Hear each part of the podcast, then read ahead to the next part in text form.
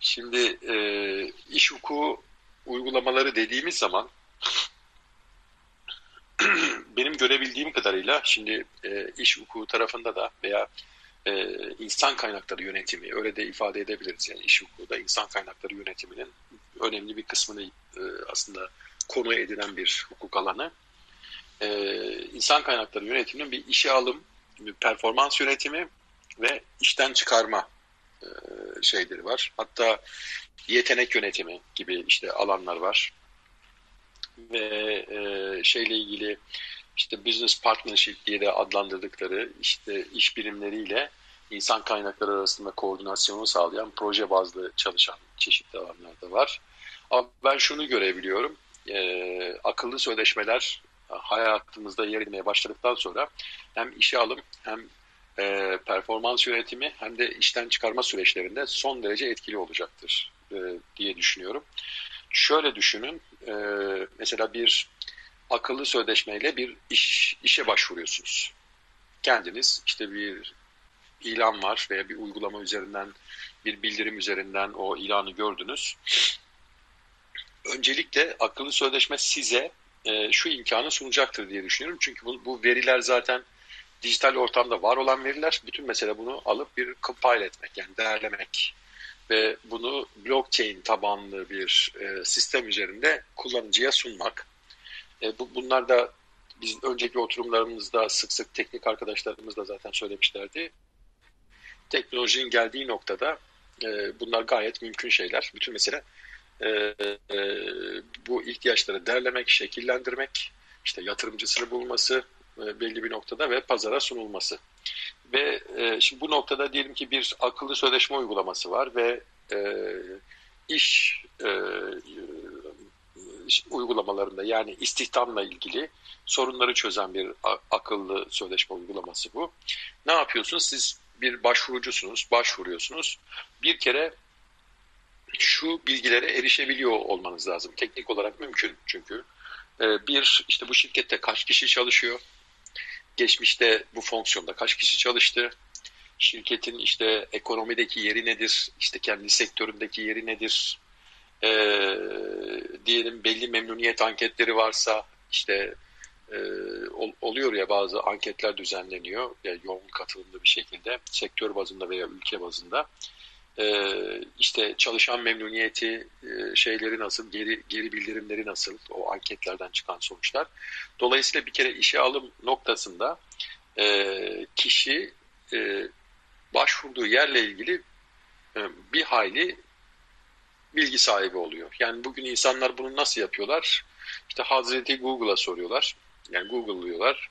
Bakıyorlar o şirkette işte karar verici kim, kendisinin başvurduğu işte pozisyonu kime bağlı acaba, LinkedIn'e bakıyorlar falan. Yani bir e, bir yönüyle işte stalking de diyebileceğimiz bir faaliyet e, yürütüp ondan sonra başvurdukları şirket hakkında fikir edinmeye çalışıyorlar. Ama bunu bir akıllı sözleşme üzerinden gelen bir ilanla yapacağı zaman kişi zaten temelde bir başvurucunun merak edebileceği, bir işverende merak edebileceği bütün soruların yanıtlarını alabiliyor.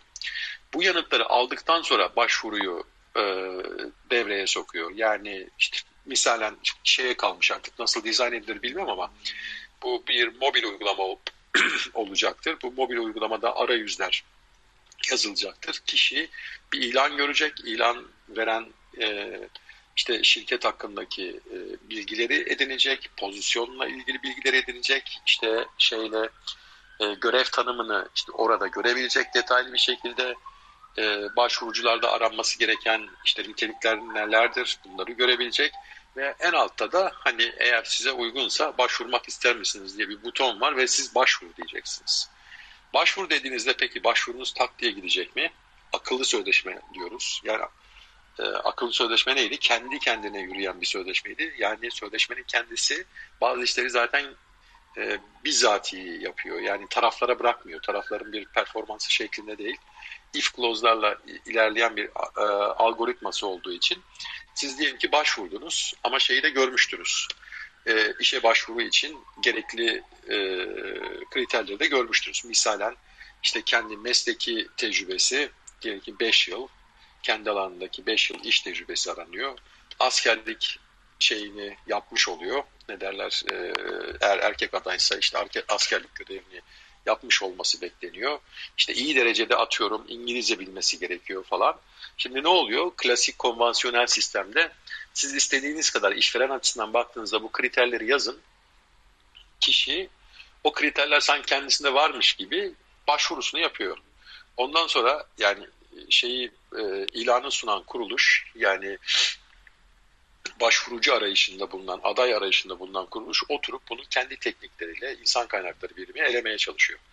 Ama akıllı sözleşmede siz kendi kimlik doğrulama şeyinizle ne derler e, bilgilerinizle taraf olacağınız için o sözleşmeye yani sizin yabancı dil seviyeniz, sizin işte hangi tarihte okulu bitirdiğiniz, eğer bir ruhsata tabi bir iş yapıyorsanız doktorluk veya e, şey gibi avukatlık gibi işte o ruhsatı ne zaman aldığınız falan onlar zaten kimlik doğrulamayla birlikte e, sizin başvurunuzda sözleşmeye dahil olacak ve orada diyelim ki 5 yıl tecrübeniz yoksa yani diyelim bir doktorsunuz ama ruhsatınızı veya uzmanlığınızı neyse işte 4 yıl önce almışsınız.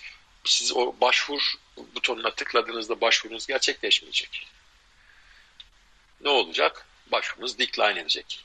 Yani bir şekilde başvurmamış olacaksınız. Bu ne sağlayacak bize? Yani işveren açısından baktığınızda alabildiğine bir verimlilik demektir. Yani bizde de mesela ben şeyi biliyorum sonuçta bir çalıştığım yer benim bir hukuk bürosu böyle binlerce kişiyle çalışmıyor. Şey, şirket ölçeği açısından baktığınızda küçük veya orta ölçekli bir şirketiz. Bir pozisyon açtığımız zaman gelen CV sayısı birkaç yüz oluyor. Yapılan mülakat sayısı 20'nin altına genelde düşmüyor. Ee, o mülakatlardan sonra işte ikinci tur ve üçüncü tur görüşmeler yaptığınızda yani bir pozisyonu doldurmak için nereden baksanız işte 50, 60, 70 belki 100 saat ve üzerinde zaman harcıyorsunuz.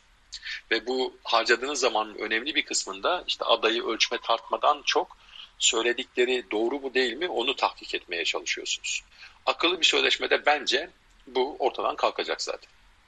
Yani işveren bir pozisyon açtığında ve başvurucuların kriterlerini çok net bir şekilde belirlediğinde kimlik doğrulama sistemiyle birlikte o nitelikleri kişinin taşıyıp taşımayacağı daha ilk anda e, belli olacağı için bir kere çok ciddi bir verimlilik e, unsuru söz konusu olacak. E, zamandan tasarruf etmiş olacaksınız. Gereksiz adaylardan ya farkında olmayarak ya kasten işte kendini farklı e, göstermeye çalışan e, kişilerden de uzak durmuş olacaksınız. E, diğer yandan mesela kişinin şeyleri olabilir, soruları olabilir. Siz bunları aşamalandırabilirsiniz. Yani işte iş yerinin yeri, e, işte çalışma saatleri, işte yan haklar vesaire. Şimdi bunlar genelde ne oluyor?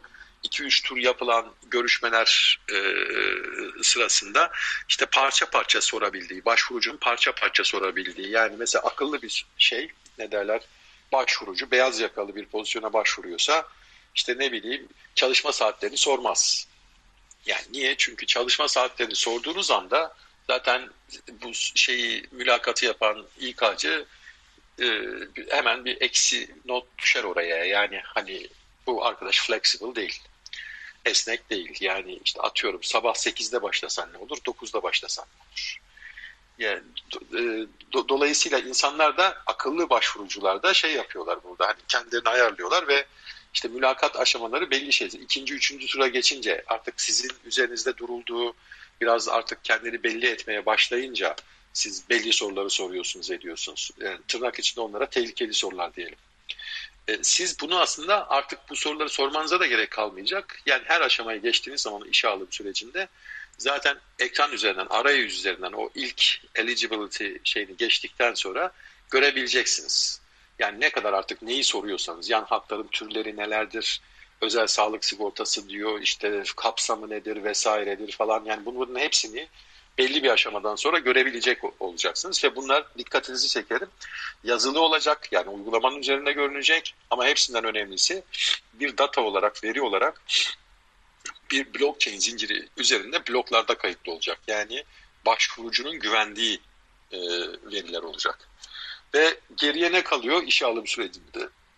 Geriye artık e, o pozisyonu yönetecek kişinin insan kaynaklarıyla birlikte e, gerekli mülakatları yapması kalıyor ve siz mülakatları yaptıktan sonra da e, mülakat sonuçlarını akıllı sözleşmenin kendisine e, veri olarak sunduğunuz zaman bir geri bildirim yaptığınız zaman hangi kişinin de zaten seçildiği ortaya çıkmış oluyor.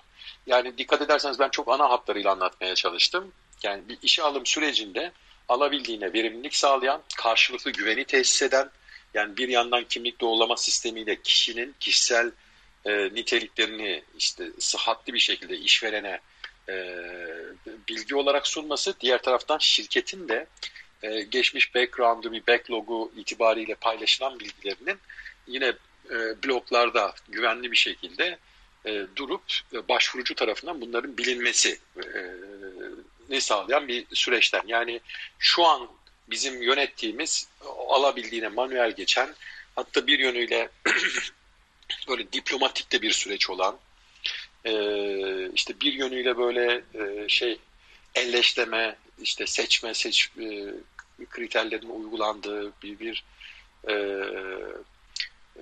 mass diyebileceğimiz yani e, böyle e, kitlesel bir süreç gibi yönetilen şey aslında son derece kişiselleştirilmiş. İki tarafında e, gayet işte e, ne bileyim merak ettiği hususları çek edip öğrenebilecekleri dolayısıyla da her sağlıklı ilişkinin başlangıcında da güven unsuru vardır. Güven unsurunun ağırlıklı e, e olduğu bir e, platform sunmuş olacak akıllı sözleşme. İşe alım süreci gerçekleşti. Ne yapacak bu? Burada hemen size bugünkü anladığımız anlamda bir hizmet akti e, sunacak ve bu hizmet aktine işveren e, ve işçi çalışan taraf olmuş olacaklar. E, siz bunu yaptığınız o an itibariyle diyelim ki kamu tarafı da şey ise onun sosyal güvenlik kaydı vesaire işte e, gelir vergisi itibariyle maliye ile olan iletişim falan bütün bunlar zaten o uygulama üzerinden sağlanacak. Yani bir ekstra bir iş yükü falan doğurmayacak. Gerçek zamanlı olacak. Hani dönem dönem işte birinci ile ikinci mevzuat değiştiriliyor ve işte bir ara şeydi mesela işte bir ay içinde bildirebiliyordunuz. Şu an gün, güncel şeyi bilmiyorum ama yani bir ara abarttılar. İşe almadan e, belli bir süre önce bildirme yükümlülüğü getirdiler. Şu anda da bildiğim kadarıyla yani birkaç gün belki Melih Bey bizi düzeltir o daha güncel bilgilere sahip. Birkaç gün içerisinde işte bir şey e, bildirimde bulunabiliyorsunuz. E, şimdi on, onlar da ortadan kalkacak yani çünkü gerçek zamanlı olarak e, bütün bunlar e, gerçekleşecek. İşe başladınız peki e, ne var demiştik sırada? Şimdi sizden belli işleri yapmanızı bekliyor işveren. Yani siz de işte o ücret ve yan haklar ve size e, söz verilen iş ortamını bekliyorsunuz çalışan olarak. E, bu da aslında bir performans yönetimi e, süreci demektir. Bu performans yönetiminde de yönetim sürecinde de siz mesela işte işe kaçta geldiniz yani gidip kart basmanıza falan filan gerek olmayacak zaten. Yani sizin lokasyon bilgisiyle zaten sizin kaçta işte olduğunuz, kaçta başka yerde olduğunuz, bir de mobil işlerde olabilir bütün bunlar. Ee, bunların izlenmesi, bir iş disiplininin sağlanması falan gayet e, e, kolay sağlanabilir e, süreçler olacak. Bunun yanı sıra size eğer KPI'ler atanıyorsa, işte, o KPI'ler işte iyi tanımlanmış KPI'larsa sizin zaten günlük, haftalık, aylık, çeyrek ve işte yıllık iş sonuçlarınızda sözleşmeye dahil olacak ki ben hep şuna inanmışımdır. Birçok meslekte, mesleklerin tamamında ben önümüzdeki dönemde ücretlerin variable kısmının, değişken kısmının daha ağırlıklı olacağını düşünüyorum. Ee, hatta şöyle söyleyeyim, yani üç kategori, şu anda da olan kategoriler bir fixed ücret, bir variable ücret, bir de yan haklar, diğer yan haklar. Ee, bu üçüncü kategorinin de son derece gelişeceğini düşünüyorum. Niye? Çünkü e, bireylerin belli yan hakları e, münferiden edinmeleri pahalı bir yöntemdir. Ama şirketler gerek bundling sebebiyle e, gerekse de işte kendi kurdukları e, eskiden gelen işler nedeniyle örneğin bir sigorta sağlıyorlarsa çok daha ekonomik fiyatlara prim fiyatlarından bahsediyorum. O sigortayı sağlayabilecek veya bir üyelik kaydı vesaire söz konusuysa e, bunları sağlayabilecektir. Kaldı ki bugünkü düzende baktığınız zaman şirketler bunları işte gider olarak da yazma şansına sahipler ama bireyler bunları gider olarak yazamıyorlar. Yani belli istisnalar dışında. ancak işte bir çalışan e, şey olacak da ne bileyim e, kendi sigortalı çalışması dışında e, işverenin de izni ve bilgi veya bilgisi dahilinde belli faaliyetler daha yapacak ve aktif bir mükellef olacak. Dolayısıyla gider yazma, şahs firması anlamında gider yazma e, şansına sahip olacak. O zaman ancak o zaman yazabiliyorsunuz. Öbür türlü sizin e, bir, bordrolu bir çalışan olduğunuz zaman belli giderlerinizi yazmak gibi bir şansınız yok. Hani bir ara bizde KDV iadesi e, sebebiyle işte böyle fiş fatura falan toplanırdı. Onun motivasyonu bambaşka bir şeydi. Yani işte ekonomiyi kayıt altına almak için bir mekanizmaydı. E, o da şu an yok zaten. Kısacası konuyu biraz dağıtmayayım örneklerle. Performans yönetimi açısından baktığımızda e, aslında kişinin iş sonuçları doğrudan o akıllı sözleşmeye yansıyacak. Ve o kişinin e, o variable dediğimiz değişken ücret kısmıyla yani ona siz prim ve ikramiye de diyebilirsiniz. Şu an basit yöntemlerle ve manuel sağlanan şeyler. O variable kısmını ve benefit yani yan hatlar kısmını yine akıllı sözleşme üzerinden yöneteceksiniz. Hatta hatta o özellikle yan hatları itibariyle yani sizin memnuniyet dereceniz de ölçülebilecek. Örneğin şirket özel sağlık sigortası hizmeti mi alıyor? Ee, siz o hizmetten ne kadar memnunsunuz? Bunu bizzat uygulama üzerinde ya, ya, yaptığınızda dönemsel olarak o dönem sonu yani şu an yıllık mesela ileride bunlar çeyrek dönemlere de inebilir.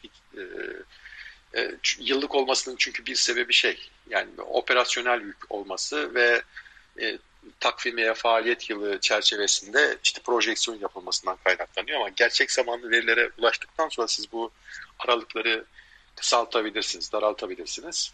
Her neyse e, o e, dönemler itibar bir sonraki dönem mesela kişi başka bir e, veya şirketteki çalışanların önemli bir kısmı bir memnuniyetsizlik varsa işveren başka bir işte sigortacıyla çalışabilir veya o yan aldığı yan hakkın e, niteliğini dikkate alarak bir değişikliğe gidebilir. Ve bütün bunlar e, neredeyse kendiliğinden ama demin az önce söylediğim tarzda mesela bir karar almak gerekiyorsa da arada birilerinin karar alması ve o akıllı sözleşmeye ilgili tarafın dahil edilmesiyle yürüyecek işler. Yani bir sigorta şirketini değiştirecekseniz e, o akıllı sözleşme zaten öyle bir şey sunacak ki belli başlı bütün sigorta şirketlerinin e, dilediğinde taraf olmasını sağlayacak e, bir yapıya sahip olacak. Yani bu da şu demektir.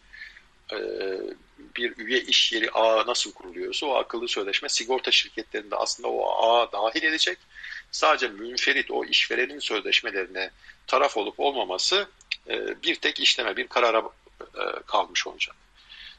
Dolayısıyla yani kişilerin performansı da gerçek zamanlı olarak ölçülerek o performans yönetimi üzerinden e, takibi sağlanabilecek kişiyle farkındalığının e, farkında olacak. Çünkü ben mesela bir yönetici olarak e, bütün yöneticilik kariyerim boyunca şunu gördüm. Çok sık daha doğrusu gördüğüm bir şey. Çalışanın performansı gözden geçirilirken e, ciddi bir şey var. E, farkındalık eksikliği var. Yani yöneticisi çok farklı bir yerde görüyor. O yöneticisi doğruyu bilir anlamında söylemiyorum. Çalışan da kendini çok farklı bir yerde görüyor. O yüzden bizim mesela kendimiz e, uyguladığımız zaman genelde şu, şunu yapıyoruz. Çalışanın bir kendini değerlendirmesini istiyoruz. Geliyor oradaki sorulara ve verdiği işte yanıtlar veya işte skorları koyuyorlar. Sonra e, biz kendi verdiğimiz notları karşılaştırarak o aradaki görüş açısını da ölçmeye çalışıyoruz e, yaparken. Şey. Şimdi bu akıllı sözleşme sistemi aslında buna da büyük ölçüde bir derman olacak gibi geliyor. Niye? Çünkü siz gerçek zamanlı olarak zaten bir scorecard görüyorsanız yani o kullandığınız uygulamanın belli bir ekranında o scorecardlarınızı görüyorsanız her gün, her saat, her dakika aslında işte KPI'larınız itibariyle aldığınız skoru, kat ettiğiniz mesafeyi de görüyorsunuz. Yani bir tartışma da olmuyor. Biliyorsunuz atıyorum mesela diyelim belli bir kriter var. 100 üzerinden şey yapılmış veya A, B, C, D, E diye işte gradelendirilmiş. Siz orada B iseniz B olduğunuzu, işte 100 üzerindense 78 puanda olduğunuzu zaten görüyorsunuz. Ve ha size o bir moral bozukluğu olarak geri dönüyorsa o kişiden kişiye değişir. Ya, ona göre halleniyorsunuz ve içleniyorsunuz veyahut motive oluyorsunuz, kırbaçlanıyorsunuz. Yani Daha böyle e, adikte bir şekilde çalışmaya başlıyorsunuz. Yani dolayısıyla o performans yönetiminde son derece şeffaf, izlenebilir e, bir hale getireceğini düşünüyorum. Yine oralarda tüketilen zamanları e, azaltacağını düşünüyorum. Yani mesela ben yine kendi tecrübelerimden şunu biliyorum. E, hedef belirleme ve performans değerlendirme toplantıları bir yönetici için kabus gibidir. Çünkü onlarca saat harcarsınız. Yani kaç kişinin size bağlı olduğuna bağlı olarak oturur muhasebe yaparsınız. Hele bir de bunların gözden geçirmelerini yapıyorsanız 3'er ayda bir, 6 ayda bir falan çok ciddi miktarda zaman harcarsınız. Burada ona da gerek kalmayacak. Yine gelelim işten çıkarma e, şeyine e, bir sonraki adım. Ben böyle ana safhaları itibariyle böyle hızlı hızlı geçmek istiyorum. İki kişi zaten işe girerken belli şeyleri biliyordu. E, şirketi tanıyordu, işte görev tanımını biliyordu, kendisine aranan nitelikler itibariyle iyi aydınlatılmıştı. Şirkette çalışana ilişkin niteliklerin farkındaydı. En azından nicel olarak veya nitelik itibariyle belli ruhsatları, bilgileri, yeterlilikleri taşıyıp taşımadığını biliyordu. Yani nispeten e, güvenli bir e, ilişki kurulmuştu. Ha, olabilir, evdeki hesap her zaman çarşıya uymayabilir, doku uyuşmazlığı olabilir, kişi çalıştığı ortamda mutlu olmayabilir. Yani belli, hiç belli olmaz yani bu iş ilişkileri. Çok iyi bir aday işe başladıktan sonra kendisinden beklenen performansı gösteremeyebilir. Ama en azından bir akıllı sözleşme sayesinde o performans hakkında taraflar bir e, nasıl söyleyeyim ihtilafa düşmüş olmayacaklar veya ihtilaf ihtimali son derece düşük olacak. Çünkü hani insanoğlu şeydir yani ihtilaf doğurmaya yeter ki istesin, isterse ihtilafı doğurur. Akıllı sözleşme sisteminde de olur. Biz ikinci, üçüncü oturumda falan bahsederken hani şeyi söylemiştik. Ee, alacak davaları falan azalacak ama farklı bir şey olacak. O da menfi tespit davalarının sayısı artacak demiştik. Yani bu da şu, e, kişiler artık şunu söyleyecek. Yani akıllı sözleşme doğru değerlendirmedi veya doğru yürütmediği süreci onun aksini ispat etmesi gerekecek. O tarz davalar açmış e, olması gerekecek.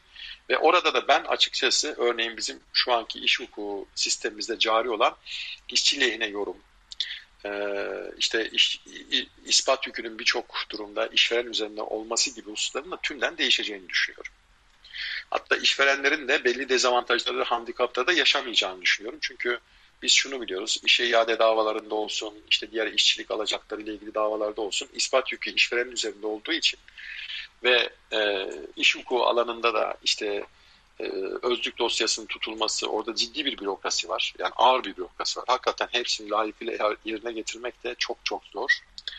E, sırf işte e, belli bir detayı atladığı için, bir yerde işte imzasını attırmadığı için, başka bir yerde işte vaktinde bildirim yapmadığı için işverenler aslında birçok durumda haklı oldukları halde o haklılıklarını o şekli e, unsurları dikkate alarak ispat edemedikleri için davaları kaybediyorlar. Şimdi bu önümüzdeki dönemde bunun da olmayacağını düşünüyorum. Çünkü blockchain üzerinde bloklarda kayıtlı e, ve istendiğinde mahkemeye işte sunulabilir e, veriler şeklinde bunlar zaten var olacaklar. Dolayısıyla burada bir ispat yükünden de bahsetmekte çok doğru olmayacak. Çünkü taraflar aslında belki de o gün itibariyle bir akıllı sözleşme üzerinden e, işe alım gerçekleştirdiğinde ister işçi ister işveren e, aslında akıllı sözleşme ve içerdiği veriler, veriler itibariyle delil sözleşmesi yapmış olacak. Yani her bakımdan ben bu e, akıllı sözleşmeli e, sistemi içerisindeki kayıtlı verilerin yegane delil olacağını e, kabul ederim. Koşuluyla taraf olacaklar. Böyle de taraf yaptığınız zaman zaten o sözleşmenin dışına çıkıp başka veri arama ihtimaliniz de son derece düşük olur. Dediğim gibi sadece bir menfi tespit davası açarsınız. Belki orada her türlü delille aksini ispat etmeniz e, söz konusu olabilir. Ama büyük ölçüde sözleşme ne diyorsa o olacak. Ve işten çıkarma süreçlerinde de dediğim gibi yani devrim niteliğinde değişimler yaşayacağız gibi geliyorum. E, hatta ne bileyim belirli süreli hizmet taklitleri itibariyle veya proje bazlı çalışmalarda ki o tür böyle yarı zamanlı çağrı üzerine çalışma, e, işte proje bazlı çalışma e, gibi şeylerin de önümüzdeki dönemde daha da yaygınlaşacağını düşünüyorum. Kişi aslında e, hizmet aktinin expire edeceğini, yani sona ereceğini de uygulama üzerinden görmüş olacak. Hani askerlikte olur ya şafak sayılır falan yani işte şafak 26 falan gibi. Kişi aslında görecek orada. Ve e, belki aynı sözleşme üzerinden, aynı akıllı sözleşme uygulaması üzerinden benzer bir pozisyon için diyelim iş akti 15 Temmuz itibariyle bitiyorsa 16 Temmuz'dan itibaren başlayacak yeni bir işe başvuracak. Veya iki hafta bir kafa dinleyeyim diyecek işte ne bileyim 1 Ağustos itibariyle başlayan işlere e, talip olacak. Yani benim e, bir giriş konuşması çerçevesinde anlatabileceğim e, şeyler bunlar. E, bu konuda sorusu olan veya katkı sunmak isteyen arkadaşlar varsa buyursunlar lütfen. Ben basit bir örnek vermek istiyorum. E, mesela bu e, iş hukuku hayatında e, işverenlerin ve işçilerin önünde olan bir örnek. E, Melih Üstad'ın belki daha detaylı anlatır ama ben kabaca değineyim. Geçici iş görmezlik ödeneği diye bir uygulama var biliyorsunuz. Bazı işletmeler bunu kendisi verip e, personelden parayı getirmesini istiyor. Bazıları da işte e, gidip PTT'den anlıyor yani, yanlış hatırlamıyorsam almasını talep ediyor. Şimdi orada tabii bir takım e, kriterler var. Nedir işte yatarak tedavilerde günlük kazancın yarısı gibi ödenen. Ayakta tedavilerde ise günlük kazancın üçte ikisi gibi.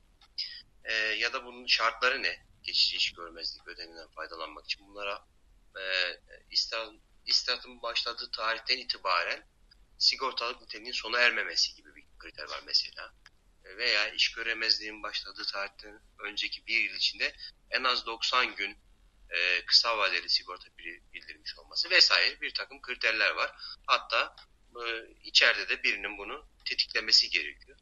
Bu tipik bir akıllı sözleşmeye bağlanabilirse mesela bu kriterler e, her biri şart yerine geldiğinde e, işçi de bu ödeneği alabilir. Örneğin bu bir akıllı sözleşmelerle kurgulanabilecek bir örnek olarak verebilirim.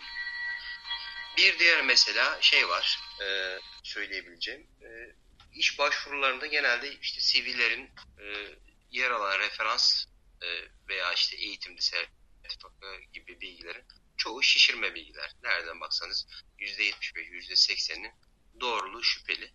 İşte bu e, blockchain teknolojisine bağlandığında bu referansların ve e, sertifikaların da doğruluğu çok rahat bir şekilde teyit edilebilir hale gelecek.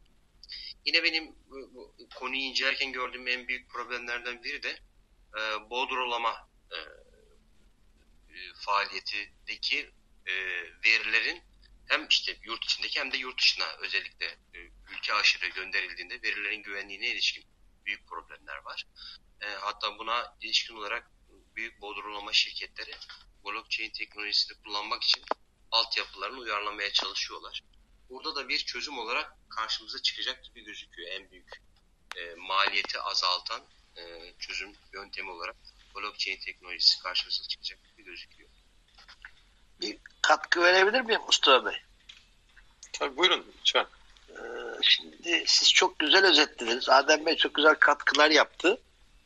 Ee, tabii ki makro noktalarda yani seçimde doğru seçim, performans yönetim, sorunsuz fesih noktasının dışında bana göre bir zaman kazancı olacak işletmelerde. Artık işletmeler beyaz yakalıyla mavi yakalısının çalışma koşulunu ayırmakla beraber belki bir kısmını proje bazlı ve kendi kestiği faturalar üzerinden iş karşılığı ücretlerle çalıştıracak.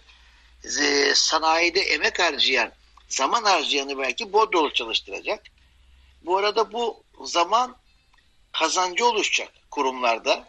Bu da belirli belirsiz maddi kayıpları var işletmelerin. Mesela birçok işletme çok formal de olsa fazla mesaisini yönetemiyor. Bunu yönetir hale gelecek. Mesela ben bir iki dava kaybettim. Mobbingten haklı nedenle kıdem istedik kişi.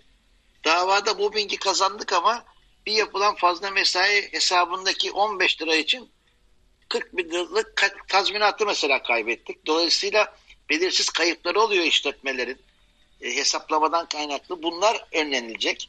Ayrıca e, mesela şu anda birçok işletme e, istihdam teşvikleriyle ilgili danışmanlıklar alıyor. Çünkü öyle bir istihdam teşviki yazıyor ki Çalışma Bakanlığı Sosyal Güvenlik Kurumu kendi yazanlar dahil onlar ancak anlayabiliyor. Diğerleri anlayamıyor. Bir takım programlarla bunu çözüyorsunuz. Oysa işletmenin istihdam teşvikinden kaynaklı kamudaki prim hakları, prim kazançları anında elde edilecek bu sözleşmelerle. Yine değişken ücret dediniz. Tabii burada çok önemli değişken ücret. Çünkü neden? Zaman kazancı olunca kişinin ücretlendirmesini doğru yapacaksınız. Ve özellikle taraf iradesi sözleşme kurulurken var. Bu şu anki konvansiyonel sözleşmelerde koşullarda iradeler değişebiliyor. O da e, aradaki sıkıntıyı getiriyor. Aslında o noktada koşullar değişemeyecek. Dolayısıyla haklı haksızı daha rahat ayıracaksınız. Bu sefer ara yönetim kademesinde kontrol edici yönetici çalıştırmanıza gerek kalmayacak. Buradan da bir tasarrufunuz olacak. Nasıl performansı yönettiğiniz gibi eğitimi oradan yöneteceksiniz. Eğitime katılmaları, eğitimin kalitesini arttıracaksınız. Dolayısıyla bu eğitimin üretime yansıması artacak. Yine kişisel bilgilerin korunması iş bilgilerinin, iş ticaret sırlarının korunmasıyla ilgili noktalarda ciddi kazançların işletmeler adına akıllı sözleşmelerle hızlıca oluşabileceğini düşünüyorum.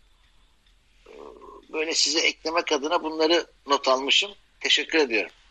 Sağ olun, teşekkürler. Yani Hocam, çok güzel şeylerdi. Buyurun Seçkin Bey. E, yani toplantıdaki herkes işveren olunca ben de kendi açımdan konuşayım dedim. E, bizim mesela bankacılık sektöründe performansa dayalı işten çıkarmalar çok oluyor. Ve performans verisini de işveren tuttuğu için hakim neye göre karar veriyor tam emin değilim. Buradaki veriyi blockchain'de daha şeffaf bir düzeyde tutulabilirse burada hakimin işi de sanırım kolaylaştırılır. Birincisi. ikincisi şey geldi aklıma. Hep e, işverenin de kolaylaşacak ama biz de bir firmaya iş başvurusu yaparken o firmanın içeride ne olduğunu bilmiyoruz. Dolayısıyla e, anonim bir şekilde firma içinde çalışanların e, kendi firmaları hakkında yorum yaptığı bir platform iş fikri de benim hoşuma gitti.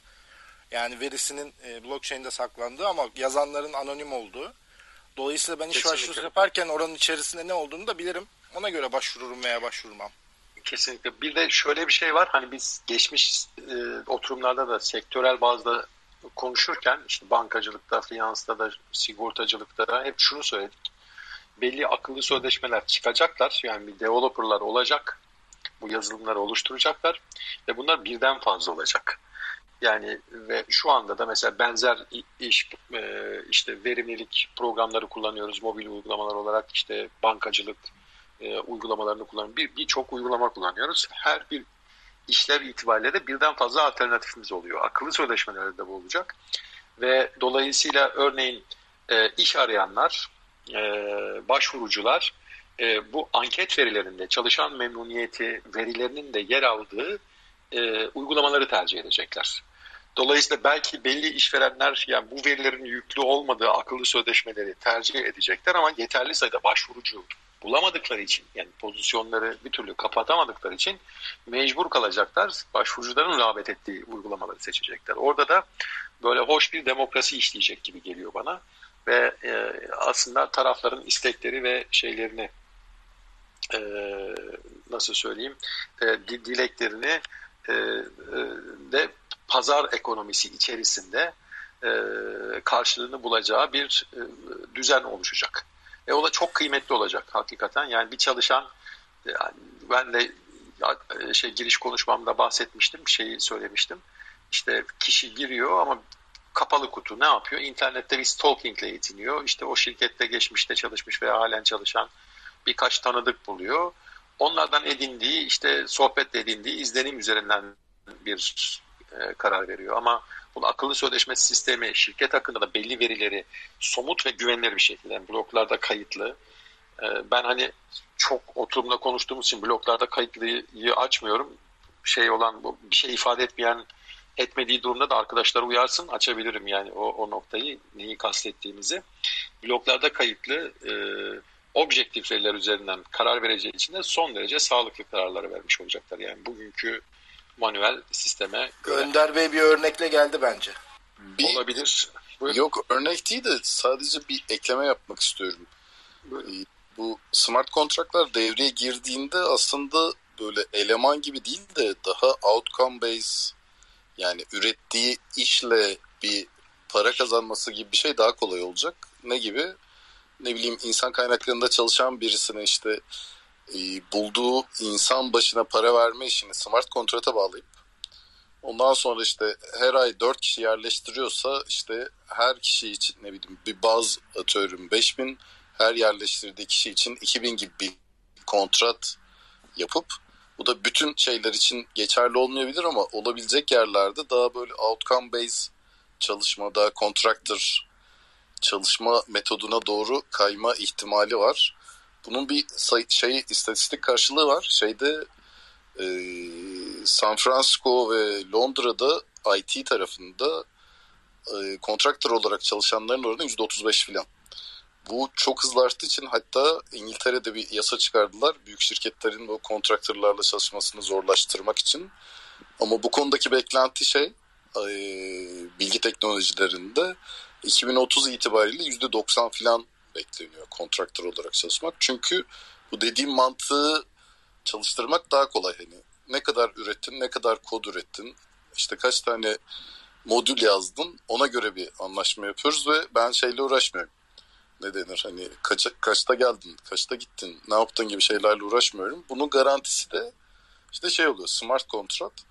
Bunun daha büyük çaplı hani organizasyon çapında bir bütün olarak çalıştırması işini de daha öyle yapıyorlar biliyorsunuzdur. Ee, yani bilmeyenler için söyleyeyim işte desentralize merkezi olmayan e, ve otonom e, ne denir e, işleyişi sağlamak için Decentralized Autonomous Organization hikayesi. Bu smart kontratlardan oluşan ve tamamen şeyler üstüne kurulu. işte oylama üstüne kurulu. Ürettiğiniz işi böyle bir kişiye, bir menajere, direktöre bağlı olmadan e, belirlediğiniz şartlarda ürettiğinizde bunun karşılığında parayı otomatik kazanacağınız bir yere doğru götürmek. Buradaki ütopik senaryo şey. Yani herkes bir yerlerde çalışıyor. Herkes bir şey geliştiriyor. Komponent. Bunlar birleşince işte diyorum Word Excel oluyor. Yani ya da başka bir uygulama oluyor. Oradan kazanılan parayı da orada çalışan herkes bir şekilde bölüşüyor gibi bir senaryo. Bu hani benim bildiğim en azından smart kontrat işinin böyle daha büyük, daha geniş alanda ne denir uygulanması ve hani iş hayatına implementasyon diyebilirim. Çok mu karıştırdım bilemedim ama. Ben sizi iyi anladığımı düşünüyorum. Hatta ben bir adım ötesine gideyim. Ben önümüzdeki dönemde istihdam ilişkisinin daha çok iş ortaklığına dönüşeceğini düşünüyorum. Yani team up yapacak bir proje olacak değil mi? Onu aynen, aynen, aynen. Hatta yok konvansiyonel ve soft işlerde dahi. Mesela kendimizden örnek vereyim. Biz e, ben bir hukuk bürosunda yöneticiyim. E, biz variable ölçümünde bir referans bilgisi kullanıyoruz. O e, referans bilgisine sahip işin etrafında kim çalışmışsa belli oranda bir pay alıyor ve müvekkilden gelen para direkt giriyor. Biz bunu yarı manuel bir şekilde yapıyoruz. Software üzerinden bilgiyi çözüyoruz. Sadece bordrolama programı farklı olduğu için oraya bir aktarma oluyor mutabakat sonrası. Akıllı sözleşmeye geldiği zaman yani sizin zaten e, kendi otomasyon programınız oraya da veri aktaracağı için oradaki variable ücretiniz gerçek zamanlı olarak ve işte dönemselse dönemsel, günlükse anlıksa anında zaten görünecek. Siz de göreceksiniz her, her an ne kadar variable kazandığınızı göreceksiniz. Bu da bir iş ortaklığıdır. Ve e, şey belli konularda da mesela kapalı kutu, belli yetkiler, işverenin yetkileri falan bunlar da çözülecek diye düşünüyorum ben. O bağlı çalışmanın işte işverenin talimat verme yetkisini falan daha e, az köşeli olacağını düşünüyorum. Büyük ölçüde iş ortaklığına dönüşecek. Proje bazı işlerde bu tamamen böyle olacak zaten. Yani siz dünyanın dört bir tarafından insanları bir araya getirip bir iş yapıp gerçek zamanlı olarak geliri de bölüşebileceksiniz. Karı da bölüşebileceksiniz. Yani sadece brüt gelirden bahsetmiyorum. Kurduğunuz model itibariyle söylüyorum. Ee, ama daha konvansiyonel işler dahi akıllı sözleşmeler üzerinden yönetildiği zaman e, işte o performans yönetimi ve işte variable ücretin oluşum sürecini çok kolay yönetebilir ve tartışmasız yöneteceğiniz için bu biraz ortaklık gibi olacak. Yani evet bir, bir sürü iş buna uygun bu arada. Yani böyle evet. sabit yetkili gerek olmayan dönemsel olan bir sürü şey. Mesela pazarlama sektörünün tamamı buna geçebilir. Kesinlikle. Tamam. Hayır mesela sağlık sektörde geçebilir. Şu an mesela onlar da yarı manuel uyguluyorlar. Şeyde de bir performans yönetimi var hekimlerin. O, Belki bunu işte şey büyük hastaneler şey gibi evet. çalışıyor. Müteahhit gibi çalışıyor. Her doktorun ayrı şirketi falan varmış. Ben onu yakın yakın zaman dedim 4-5 sene oldu. Onu, onu vergi planlaması için yapıyorlar da yani şeyleri düşürmek açısından ama e, şeyde de ama gerçek ve çok böyle sofistike şeyler performans yönetim kriterleri yürüten e, hastaneler veya sağlık kuruluşları da var. akıllı sözleşme devreye girildiğinde bunları yönetmek iş olmaktan çıkar hale gelecek diye düşünüyorum ben. Yani işte esnek bir şekilde siz kriterleri belirleyeceksiniz. Sizin Taraflar... böyle DAO implementasyonu var mı mesela Türkiye'de?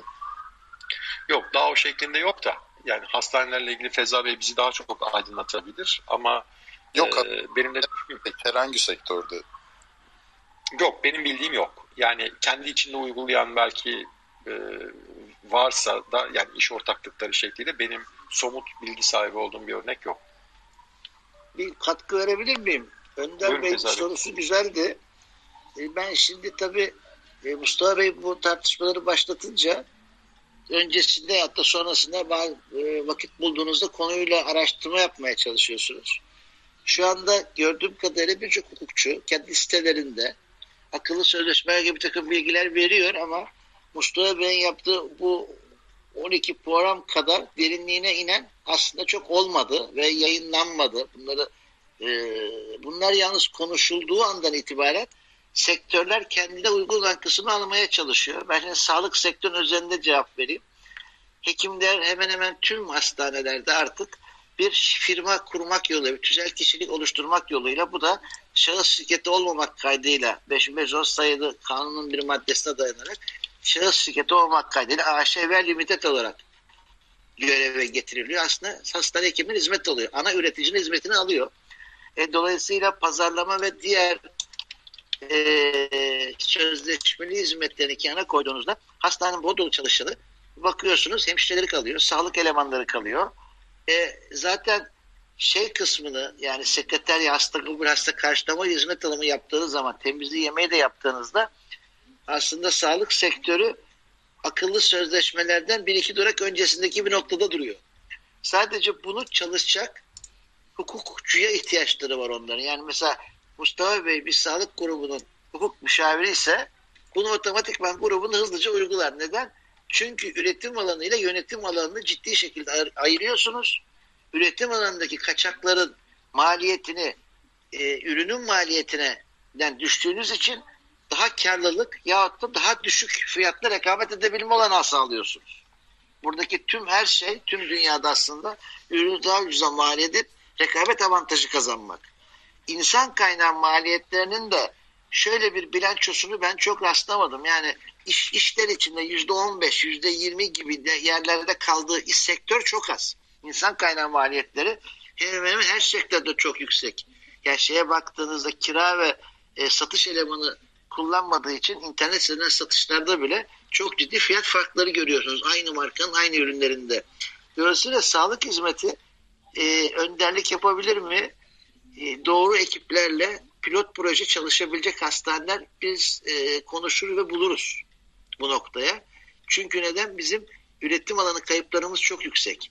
Özellikle bilançolarımıza sonradan yansıyan fazla mesaileri biz mesela çok net yönetemiyoruz. E, iş sağlık olunca 24 saat olunca gece icabı ameliyat çıkıyor. Kaçta geldi, kaçta gitti, nasıl oldu gibi bakıyorsunuz. Basit bir örnek ama e, hastanenin pratiğinde ciddi bir örneğe dönüyor. E, ihtiyacı, talebi ayarlayamadığınız için gece yoğunluğu, gündüz yoğunluğu yine aynı şekilde e, mesai yönetimlerinde de aynı sorun çıkıyor. E, hekimleri ayırıp hemşireleri de biraz akıllı sözleşmeyle yönetebilirse yani üretim alanındaki emektarını akıllı sözleşmeyle yönetirse hastaneler bilanço karlılığında net karlılıkta bir yüzde iki, yüzde iki buçuğa kadar tasarruf ederler. Çünkü bizim insan kaynağı maliyetimiz 55'leri geçtiğinde gelir tablosunda biz zarara doğru gidiyoruz. Ama 45'lerde falan da bunu tutan çok minimum hastane çıkıyor karşınıza. Bu 50 civarında gidiyor.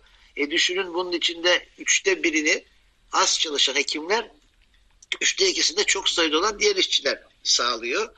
Yani 50'nin yüzde üçte ikisi dediğinizde yüzde otuzdan bahsediyoruz. Yani total cilodaki yüzde otuzdan. E bunu da biraz e, kazanabilir olursanız akıllı sözleşmeyle total karlılıkta yüzde iki, yüzde iki buçuklara varan ciddi avantajlar olur diye düşünüyorum. Bir de e, şöyle bir durum var e, Feza Bey. E, işverenin bir verim kaybı söz konusu mevcut işte işte. E, işlem maliyetleri de son derece işte düşecektir kesin bir akıllı sözleşme sistemini geçildiği zaman o platformda çalışıldığında e, bir şeyi daha sağlayacaktır bu. Ben de mesela çok sayıda hekim dostlarım var, yakın arkadaşlarım.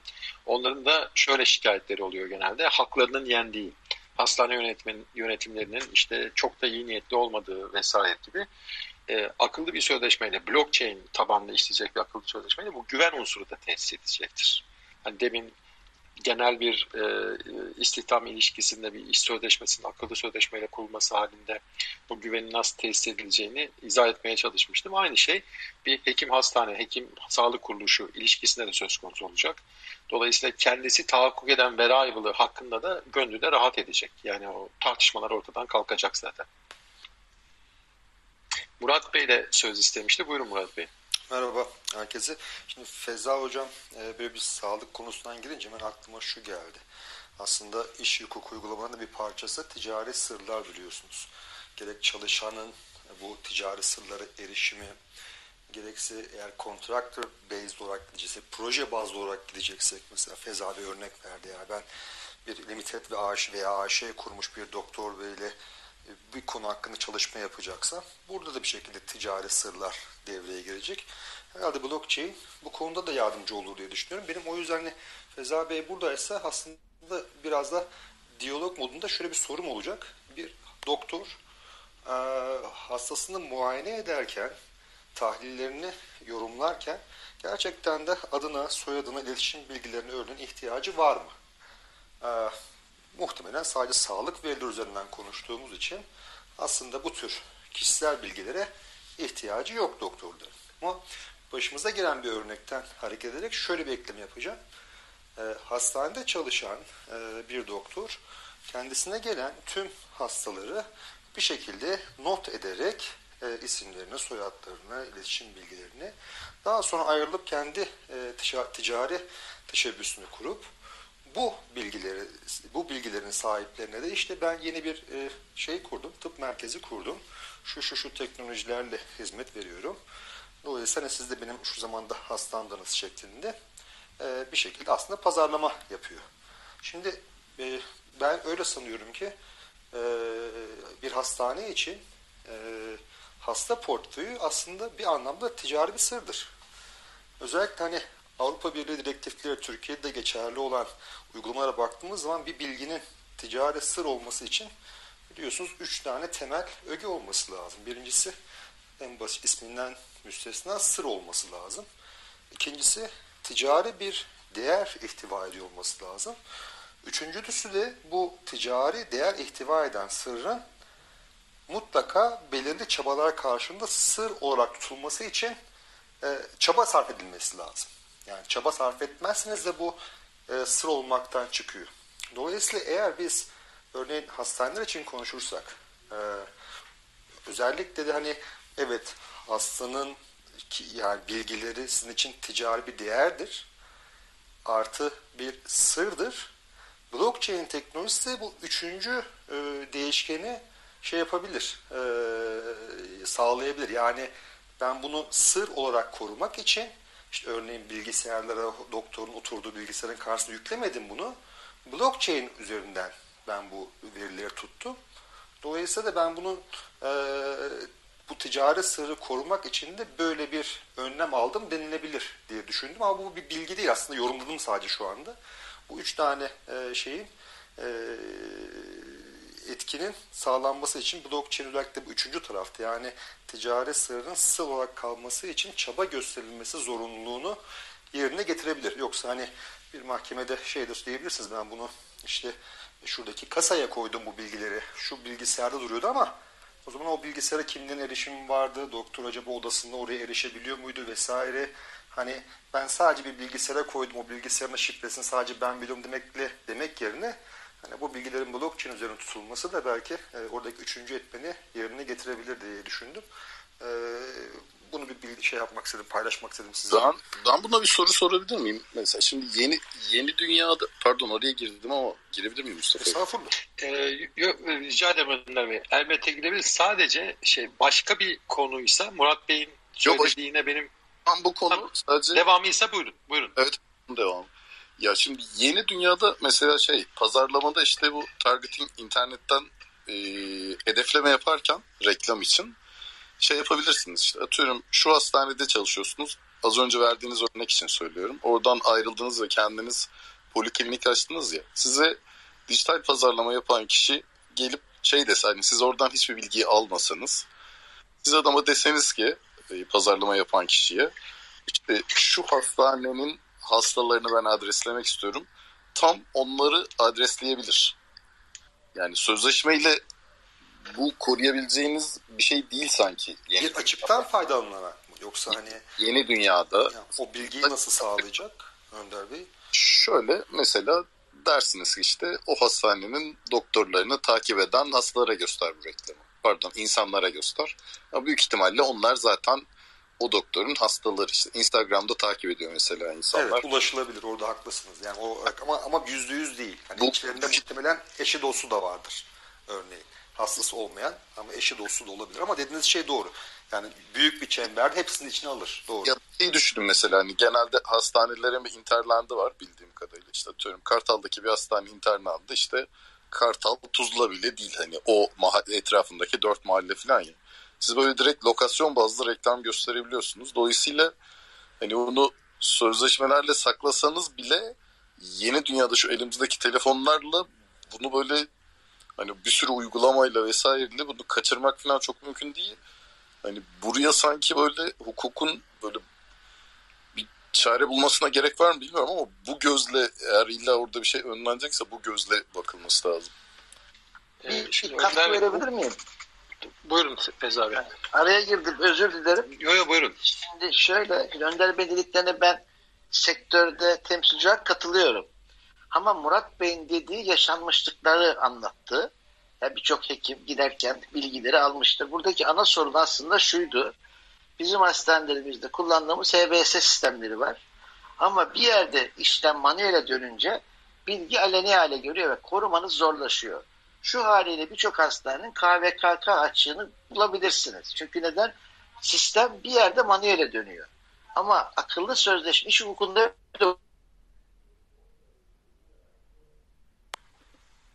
Feza Bey bağlantınızda bir problem oldu sanırım. Şu an duyuyor musunuz bizi? Evet, bağlantınız düzelince tekrar devam edersiniz. Ben Or Murat Bey ve Önder Bey'in orada ben derdimi anlatabildim mi? Hani bilmiyorum ama. Ben siz... anladığımı sanıyorum. Dilerseniz yani fikrimi söyleyince anlayıp anlamadığıma bakarsınız. Değilse o, tekrar buyurun. Bir konuda uzmansınız. Gelen giden hastalar zaten sizin Instagram'ınızı takip ediyor. Siz başka hastaneye gittiğinizde zaten o hastaların tamamıyla organik ilişkiniz var o seviyede yani. Şimdi yani hukukun da mesela gri, biz hukuk uygulamasında gri alan dediğimiz alanlar var. Şimdi diyelim ki belli bir süre e, iki yıl bir hastanede çalışmış ve Instagram üzerinden başka bir sosyal medya mecra üzerinden bağlanmış. Hatta orada iletişim halinde olan bir hastanın sonrasında gidip o hekime kendini göstermesi, orada bir portföy aktarımı, bir haksız rekabet, hizmet akdine aykırılık falan olarak değerlendirmesi biraz zor. Ama sizin verdiğiniz örneği şöyle de yorumlayabiliriz. Yani kalkıp dijitalize hale gelmiş bir verileri bir şekilde kopyalayarak e, hatta buna bile gerek duymadan yani Murat Bey'in söylediği aslında o örnekte e, belli dijital marketing firmalarına giderek e, belli bir adresleme yapmanız mümkün demiştiniz. Evet o, katılıyorum. O, o bile değil ya evet. ben atıyorum kulak burun boğaz uzmanıyım. Gelen hasta diyorum ki ben bununla ilgili işte her gün böyle şey bilgiler atıyorum. Size faydalı olabilecek bilgiler atıyorum.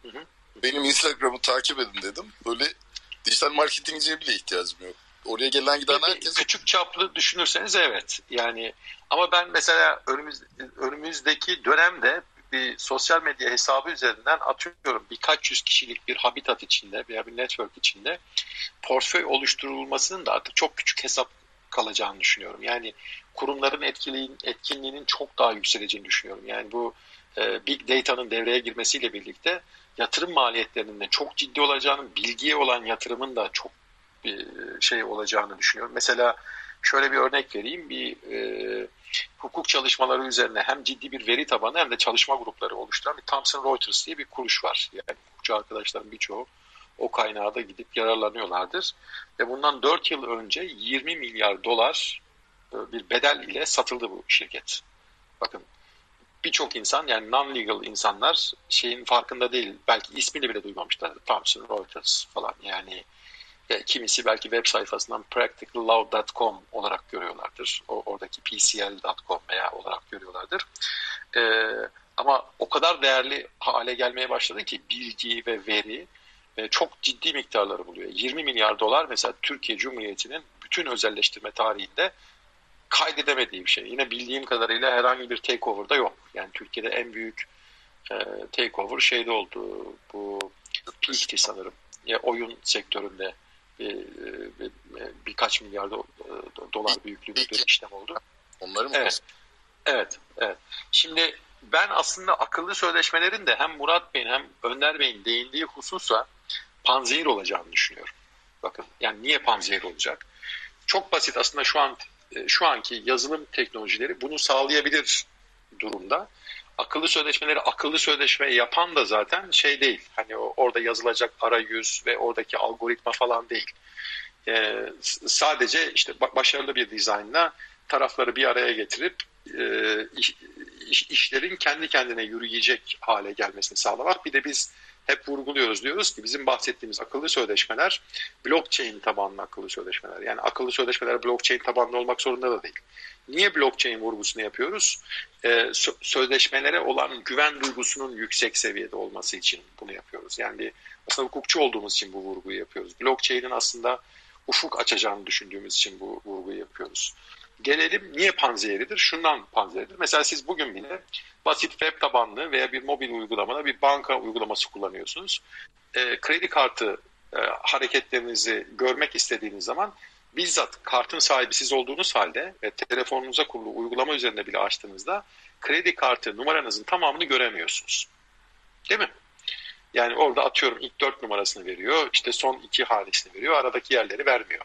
Niye? Çünkü o bir güvenlik tedbiridir. Yanlış bir ele geçmiş olabilir o cihaz veya e, tedbirsiz bir kullanıcı bankanın da sorumluluğu olduğu için sağımda solumda kim oturuyor diye dikkat etmeden açıp ekranda işte işlem yapıyor olabilir. Banka bir güvenlik tedbiri olarak bunu sunuyor. Dolayısıyla diyelim ki kötü niyetli veya işverene sadakat yükümlülüğünü bugünkü iş hukuku kavramlarıyla konuşacak olursak işverene sadakat yükümlülüğünü ihlal eder e, TİNET'te bir hekimin bu bilgileri alıp kaydedip veya not edip veya işte sosyal medya hesaplarına yönlendirerek işte bir çevre oluşturmaya çalışması noktasında bunu önlemek gayet normal. Çünkü kişi girdiği zaman zaten bir çiple veya bir, bir akıllı kartla hastaneden giriş yapacak.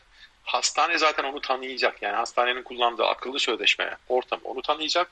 Doktorun önüne oturduğu anda ki ben aslında telemedisinin de çok yaygınlık kazanacağını düşünüyorum. Yani hastane ziyaretlerinin azalacağını düşünüyorum da ama yine birçok durumda kişiler kendi ayaklarıyla hastanelere gitmek durumunda olacaklar. Doktorun karşısına oturduğunda mesela şunu görecek. Atıyorum Mert Gündüz diye birisi geldi. Mert'i görecek. G ve çarpı çarpı görecek. Mert'in soyadının Gündüz olduğunu bilmeyecek. Gerek de yok zaten. Sadece neye gerek var orada? İnsani bir ilişki kurmak bakımında doktorun hastaya kendi adıyla hitap etmesi önem taşır. Dolayısıyla Mert Bey hoş geldiniz neyiniz vardı diye sorabilmesi açısından Mert'i görmesi gerekiyor görebildiğini sadece gösterecek. E, bu, işte zaten developer'ın e, üzerinde. Yani e, bu akıllı sözleşmeler de sürekli e, geliştirilen tool'lar olacaklar. Yani kullanacaksınız, kullananlar işte feedback verecekler e, ve sürekli fine tuning şey olacak. Mesela bu benim verdiğim örnek, basit örnek bile işte onlardan bir tanesi. Dolayısıyla siz soyadına ulaşamayacaksınız. Kimlik verilerine ulaşamayacaksınız. Yani örneğin bizim kullandığımız TC kimlik numarası, işte Amerika'da kullanılan sosyal güvenlik numarası falan bunlara erişemeyeceksiniz. Dolayısıyla sisteme erişimi olan e, herkes sadece kendisi için gerekli olduğu kadarına görebildiği zaman zaten problem problem ortadan kalkıyor ve bunu sağlamakta hiç zor ol, olmasa gerek. Feza Bey'in mesela söylediği önemli bir detay vardı. Dedi ki e, bunlar manuele döndüğü anda korumak mümkün olmuyor. Hakikaten öyle. Çünkü siz alıyorsunuz mesela dijital ortamda tutuyorsunuz, ekranda maskelemeniz gereken verileri maskeleyebiliyorsunuz. Ama bir yerden sonra print özelliğini işte disable etmediğiniz zaman birisi kalkıp print ettiğinde veya manuel çalıştığında print edip yardımcı personelin işte işlerini o print edilmiş evrak üzerinden yürütmeye çalıştığında E ne oluyor? Orada kişinin adı, yapılan işlem, hangi işte tedavi uygulandığı, şu oldu, bu oldu, işte ortalığa saçılmış oluyor. Ee, yine Feza Bey dediği gibi KVK süreçleri açısından da ciddi sıkıntı. Bırakın bunu mesela Türkiye'de en yaygın şeylerden biri şudur. Emlakçılar yani sizin de başınıza geliyordur. Zırt pırt aranırsınız. Ben artık bıktığım için hani terzi söküğünü dikemez. Peşinden de gidip savcılığa mavcılığa da uğraşamıyoruz. Ben ne yapıyorum? Blokluyorum, geçiyorum. Açıyorum yani telefonu. Alo. Zaten kayıtlı olmayan numaralı normalde açmıyorum ama bazen telefon beklediğiniz durumlar oluyor. Diyelim ki bir adliyeden sizi arayacaklar. O zaman kayıtlı olmayan numarayı da o 1-2 saat içinde açma gereği duyuyorsunuz. Bir çıkıyor. Efendim biz filan emlak bilmem neyinden aradık. Şurada şöyle bir şey vardı da bilmem neydi de falan filan gibi. Kapatıyorum, blokluyorum, geçiyorum. Onların da istediği suç. Onlar ne yapıyorlar? Şunu yapıyorlar. Atıyorum X emlak e, aracı kurumda çalışıyor birisi. E, bu, bu veriler çoğu zaman böyle Excel'de falan tutuluyor veya basit CRM programlarında tutuluyor. Oradan export edebiliyorsunuz Excel'e. E, birisi bir 6 ay çalışıyor. Çıkıp kendi dükkanını açacağı zaman veya başka bir yere gideceği zaman bir de işte portföyümü transfer ediyorum diyor. Aslında gerçek anlamda portföy transferi böyle olmaz. Yani bir işletmenin verilerini çalıp e, kontak bilgileri portföy değildir. Yani portföy başka bir şeydir. E, yaşayan bir şeydir. Gidip orada işte kendini pazarlıyor. Bir hani iş pazarı anlamında kendini pazarlayıp insanları rahatsız ediyorlar. Ha, bizim şu anki hukuk Türkiye açısından da baktığımızda bunun yaptırımları var mı? Var. Yasal düzenlemede işte bunlar öngörülmüş mü? Öngörülmüş. Bütün mesele hak arama e, mücadelesi. Yani ben kendimden örnek verdim. İşin başımdan aşkın peşinden gidemiyorum. Bloklayıp geçiyorum. Ama birileri kalkıp bunu iş edinirse oradaki daha önceki çalıştığı işveren de o arayan kişi de veya onu aratan kişi de aslında para cezası da alabiliyor, hapis cezası da alabiliyor. E, bu şeyi de getirecek yani e, akıllı sözleşmeler ve akıllı sözleşme olmasa da işte büyük veri işleyen her türlü sistem, e, operasyon aslında kişisel verilerin korunması noktasında çok daha hassas bir alan teşkil edecek. Yani işte örneğin Avrupa Birliği bu noktada bizden daha iyi durumda. Yani onlar 2000'lerin başında bu süreçleri kurmaya başladılar. Biz daha yeni 2-3 yıldır bu işlere girdik. Belli yükümlülükler daha bile erteleniyor. Yine bu yıl sonuna kadar bir yükümlülükler var. Yine erteleyecekler mi yoksa hakikaten devreye girecek mi bazı hükümler diye bekliyoruz. Ee, biz bizim için yeni ama bu uygulamalar geçtikçe dünyada da bizim ülkemizde de kişisel verilerin koruması çok daha önemli bir mevzu haline gelecek. Çünkü eski oturumlarda, önceki oturumlarda e, katılan arkadaşlar hatırlayacaklardır. Bu aslında bir insan hakları sorunu da bu aslında bir e, rejimin niteliği sorunu da yani totalitarizme çünkü çok daha kolay geçebiliyorsunuz. Yani ne demiştik? Bu tür tool'ları en seven şey işte Çin hükümetidir. Niye? Totaliter bir rejim. Her şeye hakim oluyor. Hatta orada şunu da söylemiştik. Demiştik ki e, yapay zekayı bir yani hakim yardımcısı olarak değil de bir yargıç gibi kullanacak bir rejim olacaksa bu ilk rejim Çin rejimi olacaktır büyük bir ihtimalle veya Kuzey Kore. Ama teknolojide Çin daha önde olduğu için muhtemelen Çin. Yani e, kısacası şey KVK süreçleri önem arz edecek. Sadece şöyle bir yanılgıya düşmeyelim. Hani akıllı sözleşmeleri bu noktaya getirirsek her şey el değiştirebilir işte falan gibi gelebilir insana. Ben buna katılmıyorum. Hayır KVK süreçlerini de düzgün kurarsanız etkin bir denetleme yaparsanız hatta kaynağında çözerseniz bazı şeyleri e, bunlar hiç de problem olmayacaktır. Bir soru sorabilir miyim Mustafa Bey size? Tabii buyurun Feza Bey. Yani moderatör, ana moderatör olduğunuz için size sormak istedim. Rica ederim. Aslında öyle bir misyonum yok da biraz yalnız bırakıyorsunuz beni. Ee, yok. Ben e, çok güzel anlatıyorsunuz. Ee, hem de bazen de bir açılım getiriyorsunuz. Şey diyorum, yok, sev, sevgimi katıyorum. Öyle mi diyelim Bey? Ee, şimdi Buyurun. Mesela biz insan olarak adalet sözcüğünü çok severiz, çok kullanırız ama yaşarken çok adil değiliz. Aslında evet. akıllı sözleşmenin ben adalet getireceğine inanıyorum. Müsbet bir örnek sormak istiyorum size. Şimdi basına son iki gündür düşen bir sağlık haberi var. Bir saç ekiminde bir özel hastanede bir ölümlü vaka oldu biliyorsunuz. Evet maalesef. Basından takip edenleriniz vardır. Evet. Dün sabah saatlerinde basına başka bir haber düştü. Aynı hastane bu haberin üstüne iki gün sonra bir konkordato ilan etti. Şimdi e, bu tip noktalarda da aslında akıllı sözleşmenin adaleti, şeffaflığı sağlayarak adalet, yani ilk yani herkesin her bilgiyi görmesi değil ama gerekenin bilgiyi görmesine hareketle adaleti getireceğine inanıyorum. Ne dersiniz? Bakış açınız ne olabilir? Kesinlikle katılıyorum. Hatta onu böyle bir çok öz bir cümleyle de şöyle özetleyebiliriz Feza Bey. Her şeyin kayıt altında olduğu ama herkesin sadece işte yetkisi olduğu veya gerektiği kadar veriye ulaşabildiği bir sistemden bahsediyoruz. Her şey kayıt altında olduğu için de adaletin tesisi de son derece kolay olacaktır. Teşekkür ederim. Evet, başka söz almak isteyen aşağıdan da arkadaşlar olabilir. Diğer konuşmacı arkadaşlardan. Değilse çünkü 21.30'u geçtik. Yani evet, Özgür Bey söz istedi. Buyurun Özgür Bey. Merhabalar. Ee, çok da kapatmak üzereyseniz vaktinizi almayayım aslında. Ee, sadece Yo, bir şey, bir şey merak ediyorum. Aslında bu sistem yani biraz bu tarafa da konuşmak gerekiyor. Bu yapı ortaya yani blockchain gittikçe e, domine olmaya başladıkça bu smart kontratlar dünyamızda daha çok artmaya başladıkça yani bu demek olur süreçleri e, artık e, bütün süreçlerimizi burada yürütmeye başlıyoruz demek olur. Aslında e, hastane e, gibi bir kuruma da gerek olmuyor. E, zaman içerisinde sadece da, hastane demeyelim ama işte hani e, işte MR çeken başka bir kurum olabilir. Daha fonksiyonel işleri olan yapılarla beraber çalışan ve doktor hasta ilişkisine dönüyor. Yani aslında özü bu. Yani bir doktor var, bir hasta var yani. Hani gerisi düzenleyici. E biz düzenleyici, organize edici kısmı e, eğer ki bir blockchain smart contract bu tabii bir ileri safhaları konuşuyorum. Bunları aktardığımızda aslında böyle bir şeye de ihtiyacımız ya yani hastane dediğimiz şeyin kavram değişiyor. Öbürü de sigorta değişiyor mesela sigortalar da e, şeye dönüşebilir hale geliyor. Yani biz hatta önceki e, oturumlardan mesela bankacılık konusunu e, biraz etrafça konuştuğumuz bir şey vardı. Benim e, çok iddialı bir iddiam olmuştu. Ben demiştim ki artık bugünkü anladığımız klasik manadaki e, bankalar ortadan kaybolacak ve bunun yerine akıllı sözleşmeler yani uygulamalar bunun yerini alacak. Niye? Çünkü e, o günkü tartışmalar bize şunu göstermişti. Saklama hizmeti önemini yitiriyordu.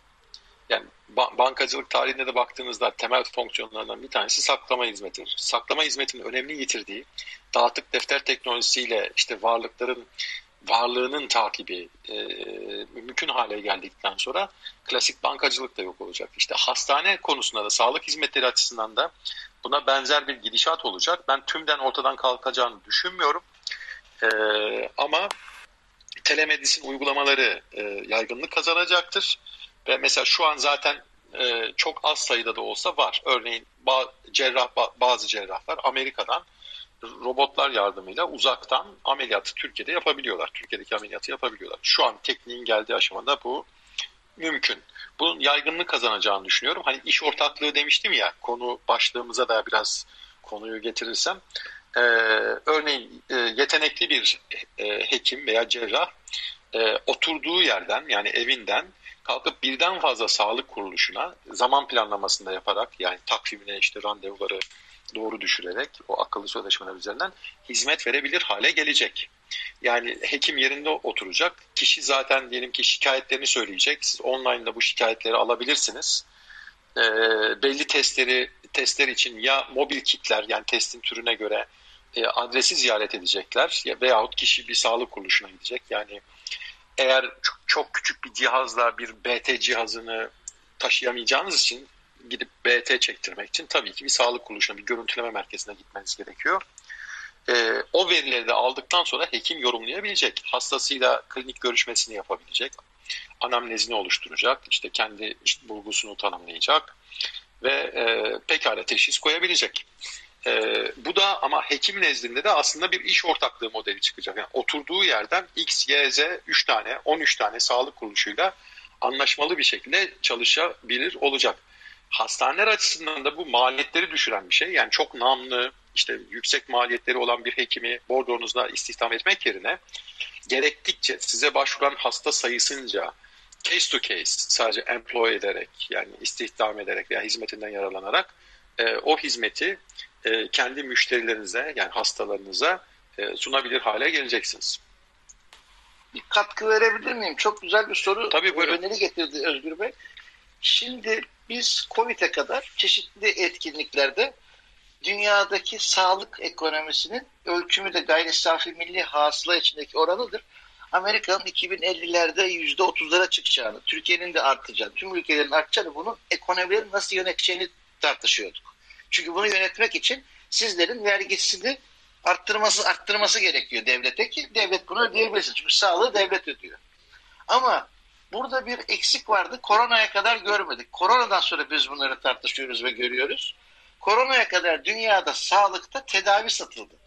Artık sağlık satmanız gerekiyor. Sağlık satıyorsanız üretici hekim müferiden çalışabilir. Siz bir takım ölçümlerinizi evdeki telefonlar gibi cihazlarınızdan ya da telefonunuzdaki uygulamalarla yapıp doktorun önüne veri olarak gönderebilirsiniz. İçinizde belki ara ara ritim ya da tansiyon için holter taktırmış olanınız vardır. Siz de hastaneye gidiyorsunuz, hem holter takıyor. 24 saat üstünüzde bir cihaz kalıyor. Aslında çipli elektrotlar taksanız o kablolara hiç gerek olmadan anında veri doktorun bilgisayarına ve anlık yönetimine dönebilir. Zaten dünya bunu sağlık verisini, sağlık ekonomisini sağlamak adına da yapmak istiyor. Evi hastane haline getirmek istiyor. Cerrahi operasyonlar gibi belli merkezler olsun. Yoğun bakımları mesela tek merkezden yöneten Amerika'da yatakız hastane diye bir e, oluşum var ve ciddi manada yoğun bakımı tek merkezden yönetiyor. Çünkü yoğun bakımdaki işi yapan aslında bakım hemşiresi. Her birine birer anestezi uzmanı koymak yerine merkezdeki anestezi uzmanı yatakları üzerindeki çiplerle yatağın eğimine dair bakarak bir bası ülseri olup oluşmamasını engelleyerek hastayı tedavi edebiliyor. Çünkü oradaki doktor sadece order yazıyor. Yani bu biraz da dünyanın ekonomik gereksinimi diye düşünüyorum akıllı kontratları. Teşekkür ederim. Rica ederim. Ben de moderasyonun sevimsiz tarafını e, alayım. Şey, biraz böyle konudan çıkıyoruz gibi. Başladığımız iş uygulamaları ya ister istemez verdiğimiz örneğe takılıp yani telemedisin ve sağlık uygulamaları nasıl olacağına giriyoruz. Heyecan verici, çok güzel şeyler bunları konuşmak. İtirazım da yok ama e, moderasyonun o misyonu gereği de hatırlatma gereği duyuyorum. Başlığın etrafında konuşursak yani örneğin ben hekimle sağlık kuruluşu arasındaki ilişki ve oradaki iş hukuku ilişkisi bağlamında akıllı sözleşmeler ne getirecek, neyi değiştirecek onu tartışmamız gerektiğini düşünüyorum. Buyurun Seçkin Bey. Ya hocam benim başımdan geçen bu telemedicine'la ilgili şüphem var da benim eşim Hı. grip oldu. Hı hı. E, grip olunca doktora gittik. E, çok yaşlı bir hanımefendi, doktor, e, gerçek doktor. E, vücudunu muayene ederken sadece gribe bakmadı ve fiziksel müdahale sırasında eşimdeki kisleri tespit edebildi. Ve hayatını kurtardı. Yani Doğru. burada işte bunu yapmadan da uzaktan bu işler nasıl olacak bilmiyorum. Yani Yok uzaktan olan buydu. yani şöyle söyleyeyim yani iş yükünün belki yani işte böyle kesin bir yüzde vermek mümkün değil ama yüzde yetmişini seksenini halledebilir. Ama hakikaten ben yani hukukla tıp çok farklı alanlar gibi görülüyor ama hekim ve avukatın rolü de aslında çok benzeş bence. Ben şuna hep inanırım. O yüzden dedim hani hastaneye gitme, sağlık kuruluşuna gitme şeyi e, tümden ortadan kalkmayacak. Sebebi şu, yani hekimde de öyle bir sezgisel zeka oluyor ki adamın tipine bakıyor. Yani cildinin rengine, işte gözünün parlaklığı veya işte durumu, işte ne bileyim e, işte e, parmak uçlarının e, durumuna falan bakıyor. Hocam tam ve... da böyle oldu bizimki işte. Aynen, aynen. aynen. Yani e, ve yaşlı hekim demek yani bence tecrübe demek. Kesinlikle. Yani mükemmel bir deneyim. Tabii yaş, yaşlı olmak gerekmiyor ama yani şöyle söyleyeyim yoğun çalışan, mesleğine saygısı olan, kendini geliştiren her insan yapabilir. Tabii yaşlıların tecrübe açısından bir şeyi var tabii bir avantajı var. E, dolayısıyla da ben hani e, hastane ziyaretini, hekim ziyaretini tümden ortadan kalkacağını düşünmüyorum. Ama Mesela Covid sayesinde benim birkaç tane yakın dermatolog arkadaşım var. Uzaktan hasta kabul ediyorlar. Yani onlar resmini çek gönder işte online görüşmede şikayetlerini anlat ben tanını koyarım diyor ve büyük ölçüde de şey yapabiliyorlar. Ama şu, e, o bunun bir filtre görevi göreceğini ben açıkçası düşünüyorum. Yani derdine derman bu yöntemlerle bulan zaten derdine derman bulmuş olacak. Ama buna rağmen yani sizin eşinizin örneğinde olduğu gibi hala tam olarak teşhisi konmamış veya tedavisi yapılamamış hastalarda bizzat gidip hekimin önüne oturup işte e, fiziki muayenesini olup e, derdine öyle derman olabilecek. O yüzden ben hani tümden e, şeyin klinik ziyaretlerin işte ortadan kalkacağını düşünmüyorum. Yani daha doğrusu onun olabilmesi için bizim bilim kurgu şeylerin bazı filmlerde falan olur ya e, böyle fantastik şeylerde e, insanlar artık bir tüpün içinde bir bir, bir beyin olarak yaşıyorlardır. Artık mekanik ve fiziksel hareket bitmiştir. E, işte duyularınızda, zekanızda işte işler görüyorsunuzdur. Öylesi bir durumda belki olabilir. Ama şu an bizim yaşayan, hareket eden e, organizmalar olarak e, bu, bu hayatın içinde e, o hekimlerin o tecrübesine ve o sezgisel zekasına da başvurmak zorunda olduğumuz durumların çıkacağını düşünüyorum ben açıkçası. Evet konu tekrar iş hukuku bağlamına dönecek olursak söz isteyen varsa buyursun lütfen. Melih Bey'e ben söyleyeyim. Melih Bey biz böyle konuşuyoruz ama iş hukuku uzmanı da değiliz. Yani ben kendi adıma söyleyeyim. Ben, ben sorayım mı hocam soruyu Melih Bey'e? Acaba olur yani e, iş içimizde hukukunda... bildiğim kadarıyla tek uzman o ama hı hı. Melih Bey de sabırla dinliyor bizi. Belki de gülüyor yani En çok yani. itilaf çıkan hukuksal olarak hangi konular var? Mesela ben onu merak ettim iş hukukunda. Mesela oralara bir sözleşmeye çözüm bulunabilir mi? Yani söz, söz verdiğiniz için teşekkür ederim. O kadar güzel devam ettirdiniz ki araya giremedim. Yani özellikle Seçkin Bey'in sorusuyla da birlikte ben de e, akıllı sözleşmelerin iş hukukuna en büyük etkisinin e, sesim geliyor mu net şekilde? Evet evet. Evet evet gayet güzel duyuyoruz. Ee, en büyük etkisinin e, güven unsurunun sağlanması olduğunu düşünüyorum. Yani Türkiye'de e, davalara baktığımız zaman e, en büyük dava alacak davaları ve burada aslında ücret ödeme, işverenin ücret ödeme yükümlülüğünün de blockchain'e e, dahil edilebileceğini düşünüyorum. O, o durumda e, işçi yükümlü olduğu görevleri yerine getirecek. İşveren de iş sözleşmesiyle aslında e, yükümlü olduğu ücret ödeme e, sistemini devreye sokacak. E, karşılıklı güven unsuru bu şekilde blockchain ile e, sağlanmış olacak. Kişilerin yani işçinin ve işverenin birbirine karşı e, bir güven oluşturma yükümlülüğü kalmayacak aslında. Her şey o blockchain'de yer alacak. Bunun önemli bir unsur olduğunu düşünüyorum. Diğer yandan ikaz süreçleri bakımından evet e, şey var.